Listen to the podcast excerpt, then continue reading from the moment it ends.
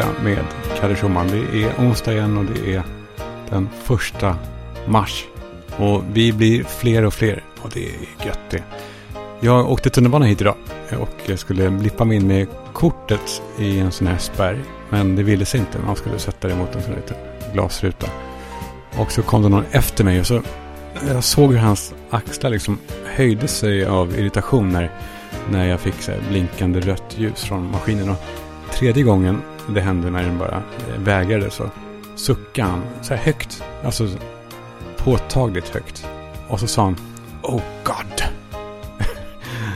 och, och så gick han till en annan spärr och jag stod kvar där och kände mig liksom jag var lite ledsen faktiskt. Jag har ju mina issues med min person. Det får man verkligen säga. Ofta är det så att istället för att visa någon att jag blir ledsen så ja, då tar jag ut det i någon form av ilska istället. Eller hämnd kanske. Eh, jag vet inte varifrån det där kommer. Jag har ju varit mycket ledsen i livet. Och jag har ju varit själv om rätt tunga saker. Som jag kanske borde ha fått hjälp med. Men nu, jag ska inte in och kötta det där.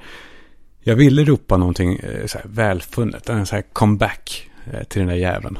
Och förbannade mig själv för att jag, jag hann inte. Han hann iväg. Han han, han hann iväg. Eh, eh men eh, ja, i alla fall så eh, funkade plötsligt mitt kort. Och jag kom in i spärrarna och kom ner på perrongen. Och där stod den där otåliga killen. Och jag tänkte nu jävlar, nu ska han få någonting dräpande. Och så bara, så sa jag, Hey you. Han, var, ja, han, var, han hade ju sagt Oh God. Jag tänkte att han var engelsman. Och så fortsatte jag, I don't, I don't really think. Eh, så då tittade han på mig. Men helt tomt. Han liksom, uppfattade inte mig alls. Och så förde han upp handen till hörlurarna liksom, för att pausa upp mig. Jag såg inte att han hade hörlurar. Så hela min grej liksom försvann. Jag kan inte upprepa mig. Jag kan inte börja om från början. Yes, I was saying that Så jag kom av mig helt och gick. Men så satt jag där på tunnelbanan eh, och försökte analysera vad jag, vad jag kände där uppe vid spärren. För det fanns någonting viktigt där. För det var en stark känsla i kroppen. Jag visste att fan, det här måste jag eh, rota i. Det här måste jag måste fånga den här känslan och sätta ord på den. Jag måste lösa den här innan den hamnar i ryggsäcken med allt annat halvbearbetat skit som ligger där och pyr. Så kom jag på det. Jag satte minneskänslan. Brännboll. Där har vi den. Åljäveln i minneshinken. Jag fångade ålen och, och, visste att det här ska jag inte släppa taget om. Så jag måste in i den här brännbollstanken. Vad har vi på brännboll? Eh, ja, det var någon sorts motsvarighet va? till pannkakor. Alltså när det var pannkakor till lunch, det var ungefär samma sak. Samma känsla va, som när det var brännboll. Det var någonting så här, wow, det, det, det, det är inte mat. Men det är inte riktigt efterrätt heller. Brännboll, det är inte sport och det är inte heller riktigt lek. Det är något, det är någonting mittemellan. Brännboll på gympan, gympa. Smaka på det ordet då, gympa. det är förkortning va, av gymnastik. Eller kanske inte, inte förkortning utan smeknamn. Vilket ju är ändå konstigt att man har då gympa som en förkortning av gymnastik som, ja det är ju, gymnastik är ju svartvitt och stå på ett fält och göra krysshopp. Och damerna har vita mössor och pojkarna har vit, vita shorts som går till knäna.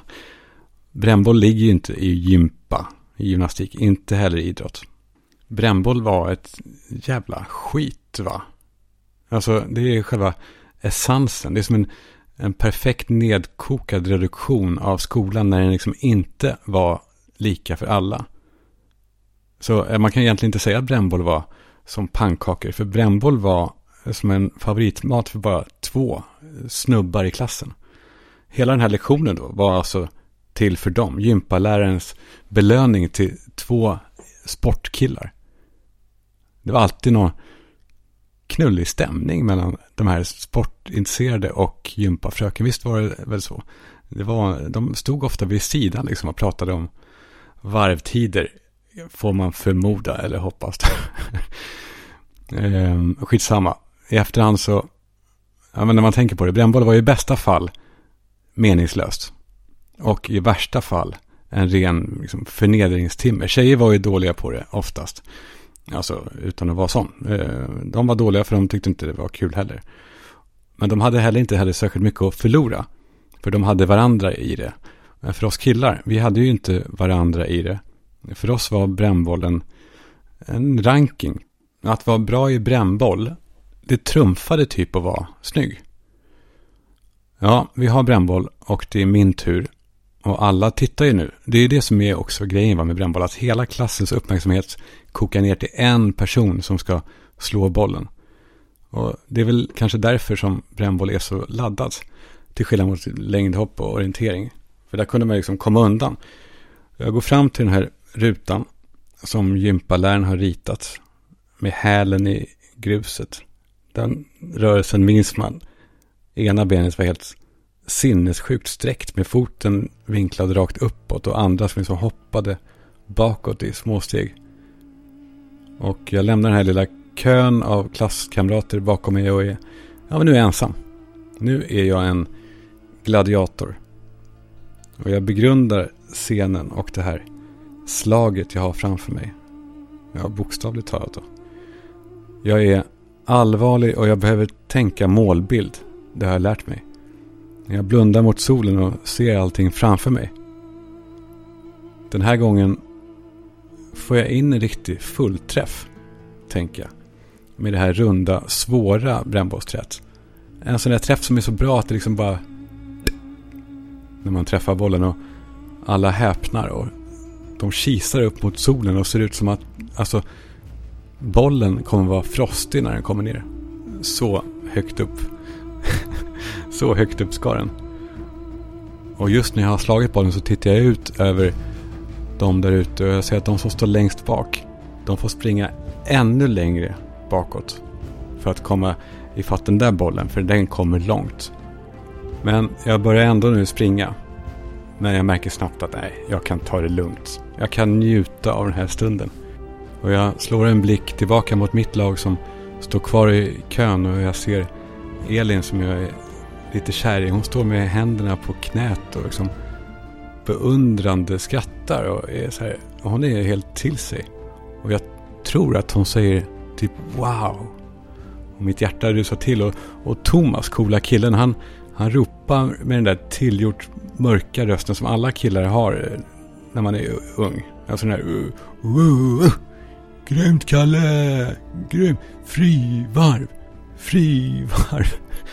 Och de andra i, i en slag, de börjar sjunga med i det här. Så hela halva klassen skriker frivarv, frivarv. Det här ser jag framför mig hela vägen tillbaka kommer jag, ställer mig sist i kön och det är high fives. Och typ fem sekunder senare så hör man hur den här jävla losern skriker bränn. Och alla i laget bara garvar. Fast de, de, de, de sa bränn. Fast det borde, de borde ha kanske sagt bränd va? Ja, så är jag tillbaka i verkligheten.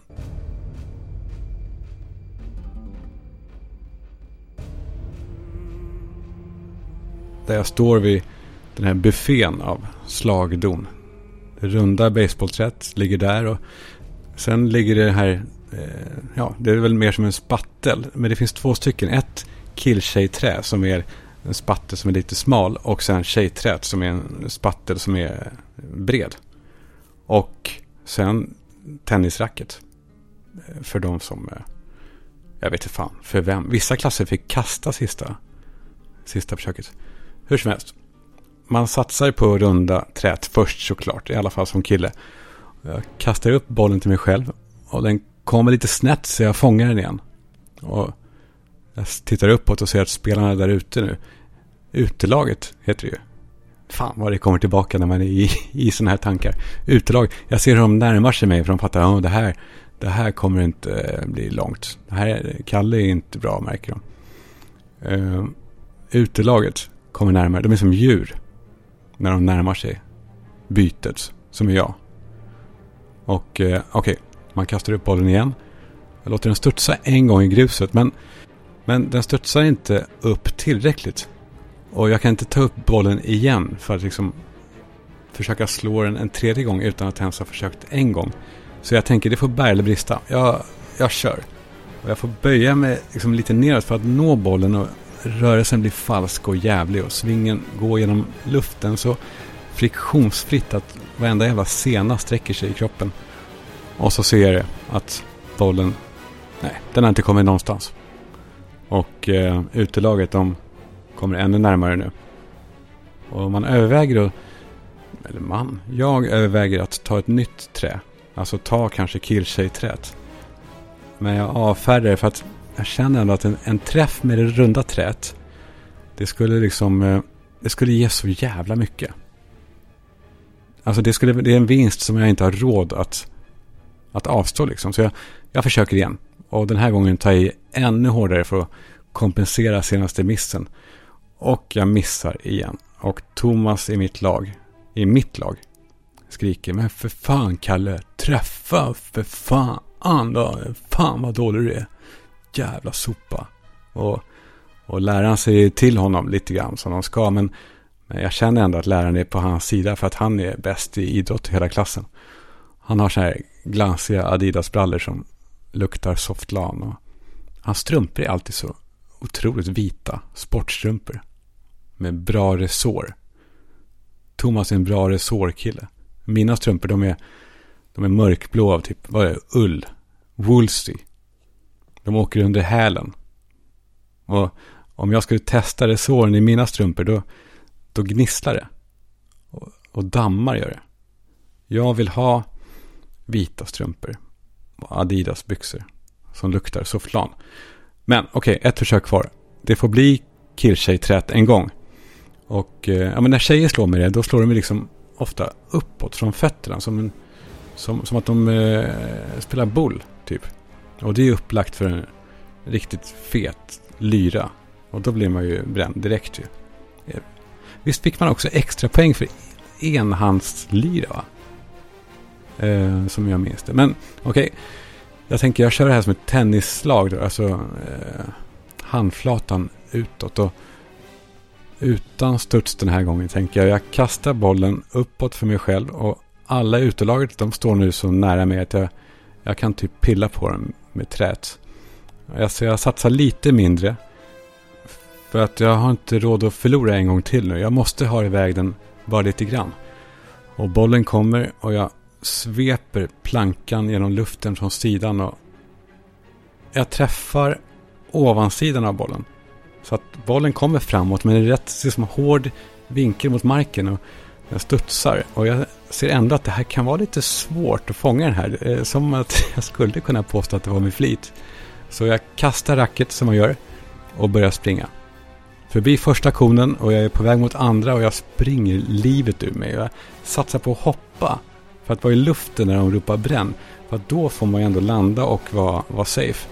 Men innan jag hinner lyfta på mina små ben så, så hör jag det.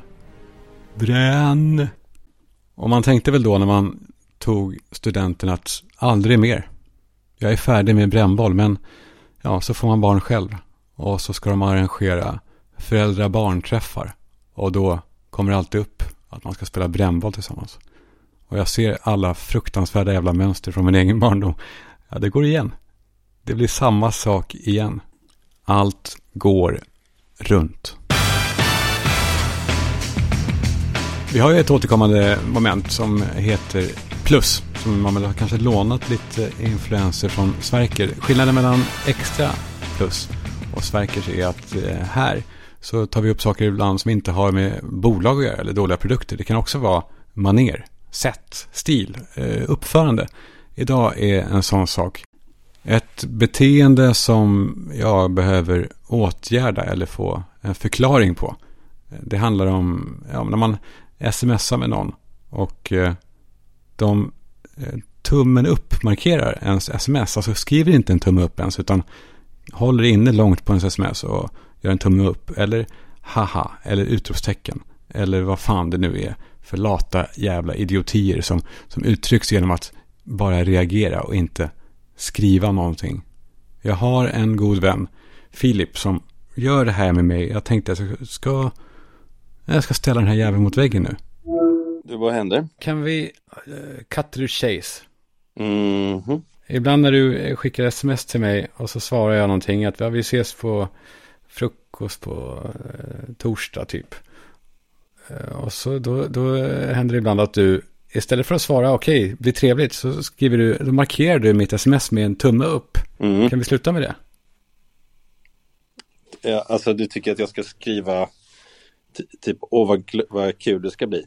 Ja, det händer inte, jag ska inte säga att det händer jätteofta, det, men det är då och då som det dyker upp en sån här. Jag blir, jag blir lite så här nedstämd. Det, det, är inte bara en tumme upp, det, det finns ett hjärta och sen skriver jag någonting dessutom. Ja, okej, okay, det är nog om jag har skrivit något kul och så kan du skriva, lägga i det här haha och sen svara det var kul. Då är det ju okej okay, tycker jag. Då är det riktigt hjärtligt. Du menar att, du, att det är en insats att skriva ett sånt? Alltså du menar inget illa? Du pissar inte på mig med flit när du gör en sån här eh, markering? Nej, nej, nej, nej. Alltså jag, skulle, jag tror så här. När jag gör en markering och skriver någonting, då är det liksom mycket mer kärlek än så kan du inte få. Är inte det också lite tecken på någon slags eh, nära relation? Om jag höll på med någon ytlig bekant eller kanske i något jobbsammanhang. Inte fanns, håller jag på att lajka då sms, då skriver jag ju alltid. Tror jag. Ja, då anstränger man sig. Men det är väl lite grann som i relation kanske. Att, du vet när man hamnar i stadiet där man säger puss helt hjärtlöst. Eh, mm. Men eh, och sagt, du är inte ensam. Det är bara, du, nu får ju du bli en symbol här. För du är en av alla som gör så här. Och eh, så känns det som att jag kan ju prata öppet med dig ändå.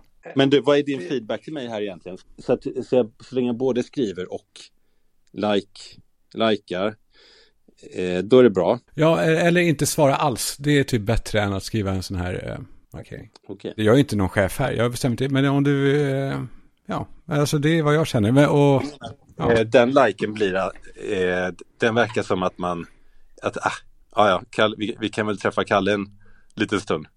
Ja, jag har läst det och okej, okay, whatever. Jag visar att jag läste och han finns, men han är inte värd ett skit. Fan vad, det var bra att du sa det, för det här hade jag aldrig kunnat komma fram till det själv. Så det var, det var ju bra att vi pratade om det. Tack Filip, vi ses på eh, frukost på torsdag. Ja, li like. Hej då. Hej då. Meds fyller fem år. Jag tänkte fira genom att göra ett litet scoop. Vad händer om man ringer till Gammelapoteket och frågar vad deras grejer kostar och så jämför man med Meds? Hej och välkommen till Hjärtats kundservice. Alltså till exempel, vad kostar Alvedon hos eh, Gammelapoteket? Hos Meds kostar den 32 kronor.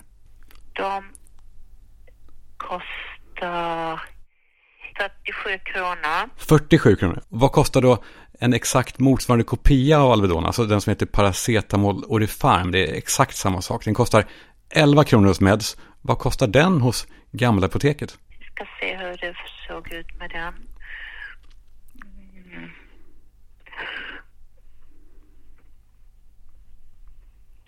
Eh, 36 kronor. 36? Det är samma som Alvedon. 36 ja, det är samma som Alvedon då. Ha en bra dag. Du också, hej. Hej. Ja, ni ser. Alltså, det går inte att... Man behöver inte säga någonting efter det här. Jo, vi säger en sak. Grattis Meds till fem år på, på täppan och eh, grattis till oss konsumenter som, som gynnas av det här. Så nästa gång, testa ett riktigt bra apotek. Meds.se det ska nämnas rent formellt att Alvedon och paracetamol är ett receptfritt läkemedel och att man ska läsa bipacksedeln innan användning. Och tack till Vid nikotinpåsar. Enligt lag så får jag inte berätta om de här helt larvigt goda smakerna som och eller eh, jag får inte heller berätta att jag eller att Vid får mig att på ett helt sjukt sätt. Och man ska inte börja med nikotinpåsar för det är beroendeframkallande. Man ska vara över 25 år. Men om man redan kör så testa vid så kommer du bli sjukt. Tack vid. Och tack bokadirekt.se. Jag tänkte eh, börja med ett nytt initiativ tillsammans med Boka Direkt. Show Appreciation Day. Eh, för det finns en yrkeskår, eller flera, som vi tar liksom för given på ett rätt udda sätt. Till exempel frisörer. Eh, de jobbar hårt, hårdare än de allra flesta tror, skulle jag säga. Och vi som kunder, vi kan ju tycka att det, det är dyrt att gå och klippa sig eller fixa håret. Men om man räknar bakåt så ser man snabbt att frisörerna de sliter för sin inkomst och de får inte dricks fast de bjuder på kaffe och tidningar och vin ibland till och med. Det handlar om service i sin absolut renaste form.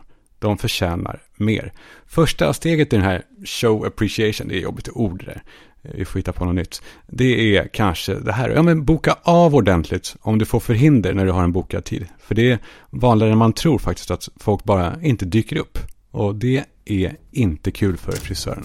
Så, när du ska boka, boka direkt på intresse, Men glöm heller inte att boka av om du får förhinder.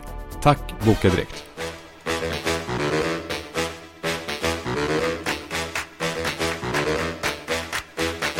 Fullt ställd är det den här veckan om eh, jag vet vad en snippa är. Hashtaggen. Är det den otydligaste hashtaggen hittills?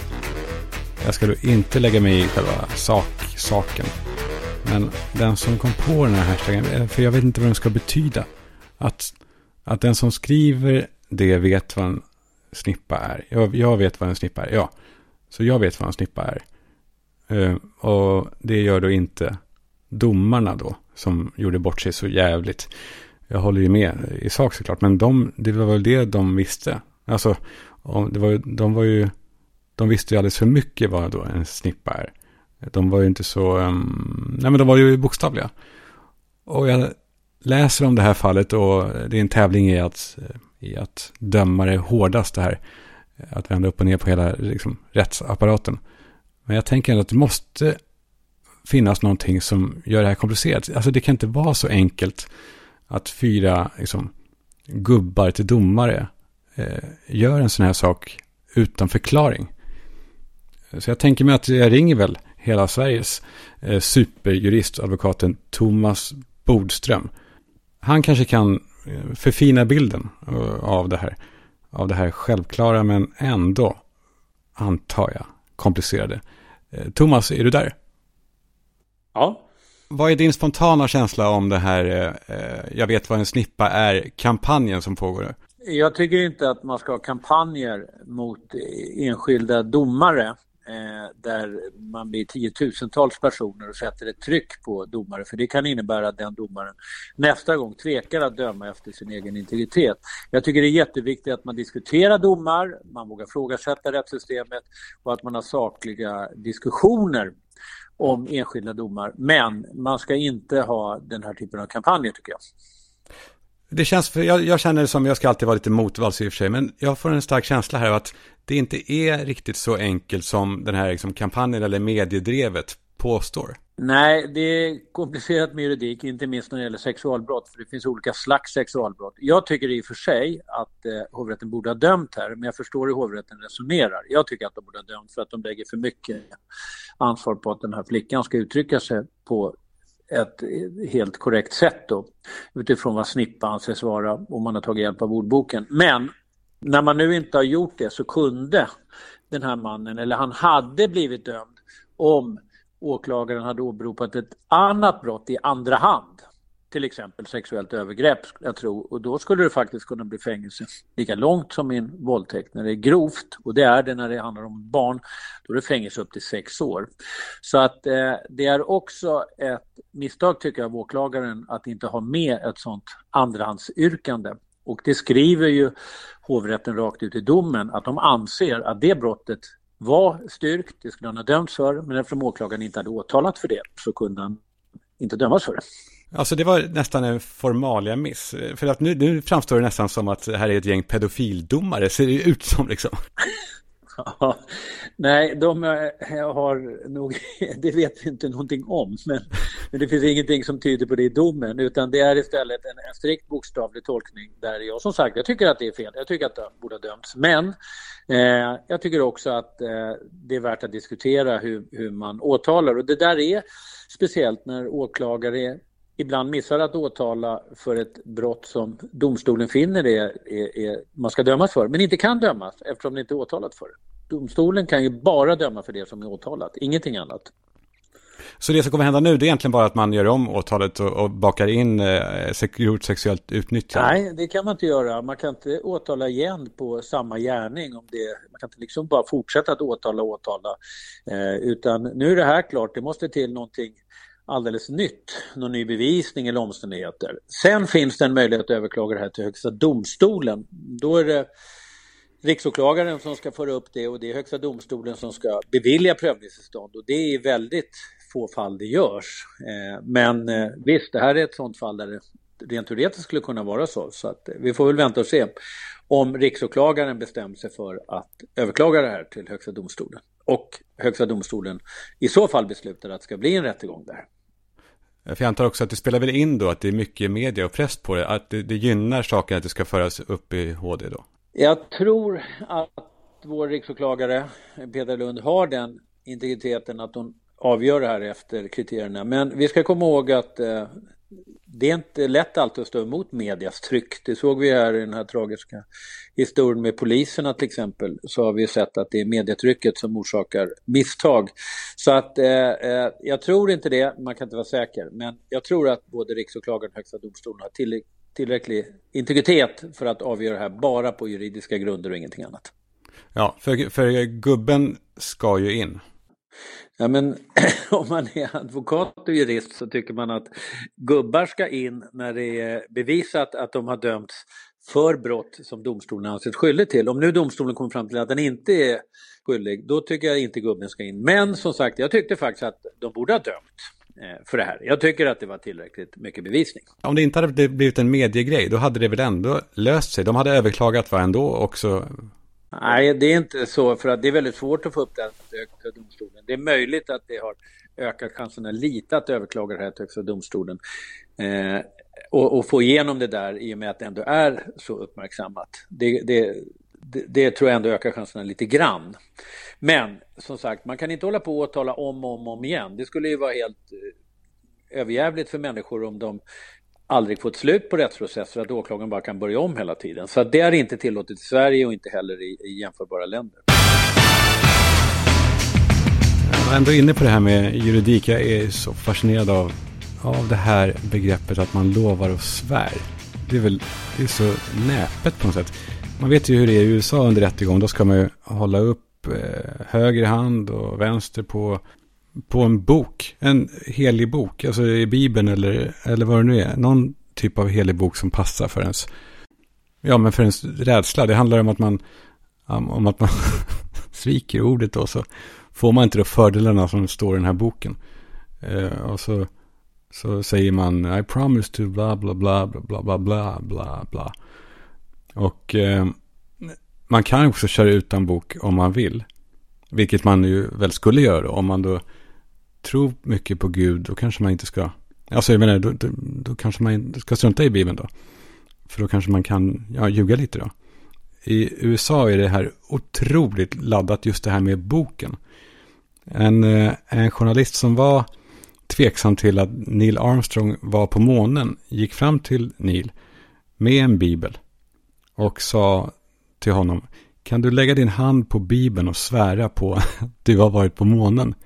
Det, så här lät det. Mr. Armstrong, Bart Sibrel, ABC Digital. Wanted to give you the opportunity to swear on the Bible that you walked on the moon. Will you put your left hand on the Bible and swear to God that you walked on the moon? Gentlemen. Mr. Sibrel. Yes? if you really walked on the moon, why would you not do that? So why don't you just put the into the record in the argument and put your hand on the Bible, swear to God you walked on the moon. Mr. Several, knowing you, that's probably a fake Bible. Really? Well, no, it's a real Bible. Why not? Why won't you do it? So why don't you put your hand on the Bible and swear to God that you walked on the moon? Mr. Seibel has made a fool of himself in front of the world. Mr. Seibel, you do not deserve answers. Ja, ni hör, alltså det är ju, eh, men det är väl, alltså, så som man är uppväxt då med kraften i att man ska svära vid Gud och sina liksom, barns liv och vad det är. Och han vill inte göra det. Att, han vill inte säga att han har varit på månen när, när det kommer till, till Bibeln. Och den här grejen går igenom också i Sverige. Det är ju på alla möjliga ställen som man ska, man ska intyga eh, på heder och samvete att det man säger är sant. Alltså Försäkringskassan. Då. Och så det är så gulligt för det bygger på liksom att det bygger på att ingen ska ljuga på något sätt. Så vi säger att jag har rapporterat in på Försäkringskassan att jag har varit pappaledig och ska ha pappapeng eh, vissa dagar. Och så får de in ett tips eh, som säger att nej men eh, Kalle Schumann han, han var inte pappaledig, han var på jobbet de dagarna. Och hur ska de ta det då där? De bara, nej det kan inte stämma för att, nej det kan inte stämma för han lovade på heder och samvete. Så eh, det, eh, du får kolla igen, du får, du får säga till din, eh, du får inte tipsa om, eh, du får inte ljuga för mig om dåligt tips. ja, men det är fint.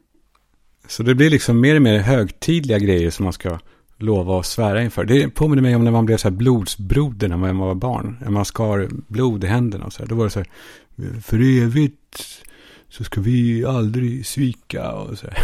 Det är liksom bara ord. Och det är så vackert på något sätt att någon har så höga tankar om heder och samvete. Vem fan har heder och samvete idag? Det är väl ingen som har det. Är väl ingen som har det. Thomas, är du kvar? Absolut. Det här man lovar och svär i, dom, i, i domstol, vad heter det, i rättegångar. Ja. Den som är misstänkt för brott, han får ljuga hur mycket han vill. Men är inte det lite märkligt att man får, alltså att man utgår då från att den som är misstänkt kommer ljuga lite, men ett vittne? Det är en ganska bra princip för att han ska inte behöva själv liksom eh, känna att jag måste hålla sanningen. Han ska bli dömd för mened. Han, han, han ska inte heller vara med och utreda sitt eget brott mot sig själv. Sånt gör man i diktaturer men inte i demokratier. Så att det är bara vittnen som hörs under ed. Ja, men är det inte lite gulligt då det här under ed som att det betyder någonting? Jag menar nu det, kan det vara straffbart om, det, om man ljuger men ändå så här att jag lovar på heder och samvete. Det är som att det är medeltidsgrej. Det är en ganska formell grej. Men efter att någon, ett vittne har avlagt eden som det heter, då ska domaren förklara för den här personen vad det innebär så att man inte bara sitter och tror att man gör någon ramsa här i största allmänhet. Utan man ska förklara vad också eden innebär och det där tar folk lite illa vid sig ibland för att de eh, kände, ja, men vadå, då? Frågasätter du att jag skulle förstå den här vittneseden? Nej, säger domaren, men jag vill bara vara helt säker på att du förstår att nu talar du under straffansvar. Och ibland säger domaren, och om du ljuger nu, då kan du få fängelse. Okej, okay, det blir nästan så eh, personligt, hotfullt nästan. Mm. Det slås ändå över när man söker pappadagar på Försäkringskassan och står så här, intygar det på heder och samvete. Det så gulligt, för man kan ju bara ljuga liksom. Ja, men om du ljuger som vittne, då är det riktigt illa om det bevisas. Då kan du få långt fängelsestraff. Men det står i den här, jag läste på den här eh, vittneseden, att vissa vittnen behöver inte tala inför ed. Nej, det är närstående. Man, man hörs inte under ed mot sin egen fru och man och barn och sånt. Det är också fint och mänskligt. Ja, det tycker jag också. Man ska inte behöva tvingas vittna mot vad, vad frugan eller gubben har gjort. Tack Thomas, vi hörs snart. Ja, det gör vi. Bra. Hör ni, det är dags att uh, runda av. Jag tänker att vi kan väl göra det med ja, till ljuden av män i grupp jag märker att jag ofta är på det här med alltså, snubbar och jag låter som att jag låter lite äcklig när jag, när jag håller på så här. Som att jag är, är bra och att så här, kolla vilka dåliga killar det är. Men jag såg en dokumentär som heter Rörelsen som är eh, otrolig. Som ni borde se på SVT. Som handlar om män som är i grupp. Och då antitesen kanske till de här männen från i höstas som åkte ut och hade kakao-ceremoni. De här männen åker ut i skogen för att för att hitta sin maskulinitet. Alltså, och eh, ja, men så här låter de. Och... Eh, ah, ah, ah, ah, ah, ja. Ah, fram med bringan bara, ja. Ah. Ah. Vi säger så. Hörrni, fortsätt att eh, skicka in tips och sånt på Instagram och DM. Det är jättemycket värt och det gör det ännu roligare att ha kontakt med er. Jag menar verkligen det. Jag svarar ju på alla DMs som att det är en grej.